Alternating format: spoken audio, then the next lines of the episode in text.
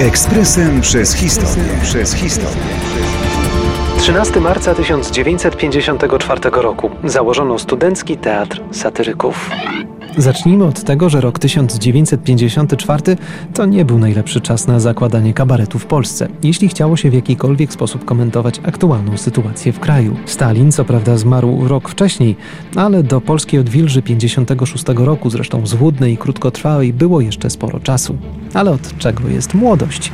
Młodzi autorzy tekstów nie chcieli czekać. Tak powstał STS. Poeta, satyryk i dramaturg Andrzej Jarecki stworzył tekst, którego tytuł dał motto teatrowi. Mnie nie jest wszystko jedno okazało się być hasłem, które znakomicie oddawało przesłanie wszystkich twórców STS-u. Oczywiście niczego nie udałoby się stworzyć, gdyby nie fantastyczne talenty, jakie pojawiły się tam na przestrzeni lat. Teatr stał się pierwszym szczeblem do karier tak wspaniałych twórców jak Agnieszka Osiecka, Jan Tadeusz Stanisławski czy Stanisław Tym.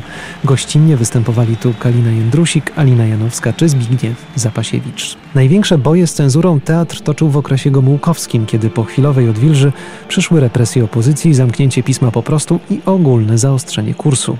Wtedy STS-owi było najtrudniej przepchnąć przez machinę cenzorską kolejne premiery. W 1970 roku STS został przemianowany na Teatr Satyryków STS, a w 1972 połączono go z Teatrem Rozmaitości, co oczywiście zapewniło pewniejsze administracyjne ramy działania. Tytuł pierwszego przedstawienia STS-u z 2 maja 1954 roku był znamienny. Brzmiał on To idzie młodość. Ekspresem przez historię. Przez historię.